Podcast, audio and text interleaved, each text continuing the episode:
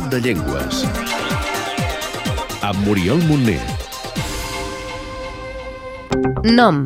Asturià, Altres denominacions. asturiano-lleonès, astur-lleonès, lleonès, bable, Àrea geogràfica. Astúries, nord-est de Portugal i nord-oest de Castella i Lleó. Nombre de parlants. Entre 300.000 i 450.000. Situació o estatus legal. Reconeixement legal als punts on es parla a Espanya i Portugal. Família o origen. Indoeuropea, Branca. romànica, Grup.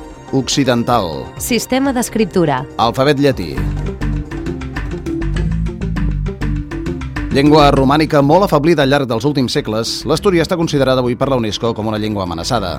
La situació en què es troba aquesta llengua mil·lenària i amb molta importància a l'edat mitjana té llums i ombres.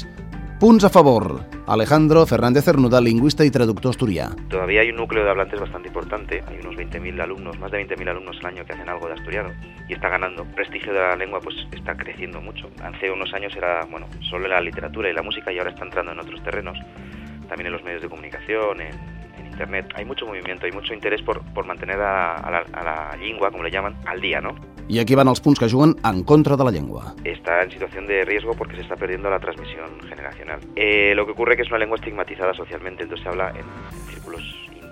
El problema es ese, que se pierden hablantes, que la política lingüística de Asturias es que hay, hay prácticas de, de represión lingüística y de contraplanificación, al lado de, otras, de otros avances sociales y otros avances políticos que ha habido, pero siempre van paralelo. Cuando te dan un regalo te quitan por otro lado. La llengua rep diversos noms segons uns criteris geogràfics o històrics, mentre que la denominació bable té una connotació despectiva o de dialecte, també se l'anomena lleonès, per l'expansió que va experimentar amb el regne de Lleó, o asturià, perquè és a Astúries on més es parla. La denominació d'astur-lleonès és la de consens entre tots. Sigui com sigui, la llengua té una literatura pròpia que la dignifica molt, una gramàtica estudiada, una acadèmia de la llengua i un estàndard que impera sobre els tres grans dialectes en què es parla i que són perfectament comprensibles entre els parlants. Algunes curiositats. Qui diu que l'astúria és una llengua arcaica? Ho és, evidentment. Conserva arcaïsmes i curiositats molt genuïnes i que la singularitzen molt, però comparteix una cosa amb una llengua tan abanderada de la modernitat com l'anglès. No sabríeu pas quina. Por ejemplo, el neutro de materia. En Asturias no se dice, se dice la sidra frío, eh, se dice la piedra negro, porque son palabras incontables. Es lo del inglés, lo de how many, how much, pues en asturiano es, tiene peso gramatical. Quiere decir que las palabras ah, masculinas o femeninas que no se puedan contar, el adjetivo lo hacen en o. Da lugar a, a expresiones raras como la sidra bueno, la gente mozo, la gente joven. A més, té algunes similituds amb el català i amb el portuguès. En asturiano y el catalán se parecen la yuna, se dice les bibliotecas públicas, que yo cuando veo aquí carteles bibliotecas digo, está en asturiano. Les vaques, hablan como los de Lleida, hablan muy asturiano, que es lo que más, más gracia me hace.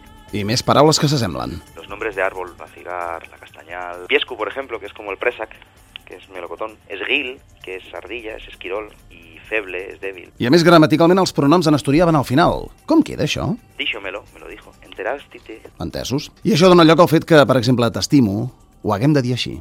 Quiérote, o gústesme. Moltes gràcies.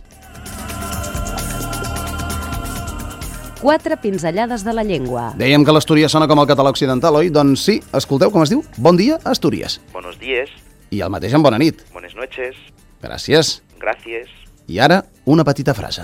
Escolteu el programa Do de Llengües cada setmana a Catalunya Informació. Escucháis cada semana el programa Donde Lingües en Cataluña Información. I avui, en lloc de la frase amb què sempre acabem, us oferim un petit poema sobre la pèrdua de la llengua que ho sintetitza tot prou bé.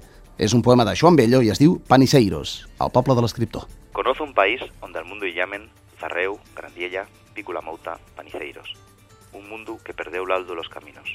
Jerusalén levanta una palma a la mano dun neno. Un mundo que ya era alto, luminoso, esbelto, naciente y fonte y vocación de río, donde los hombres callen y el silencio y renuncia, donde escaecimos el ser, donde claudicamos. Un país donde la casa cae, cae l'orru, la ponte, el molín, la iglesia, l'home también cae, donde la mirada ayer era pura, cienciella, la xaceda que deixara la nube en cielo, donde nada más nos queda la memoria corrompida de la infancia, la nuesa soledad, l'abandono de nueso. Aquest espai es fa amb el suport de Linguamont, Casa de les Llengües.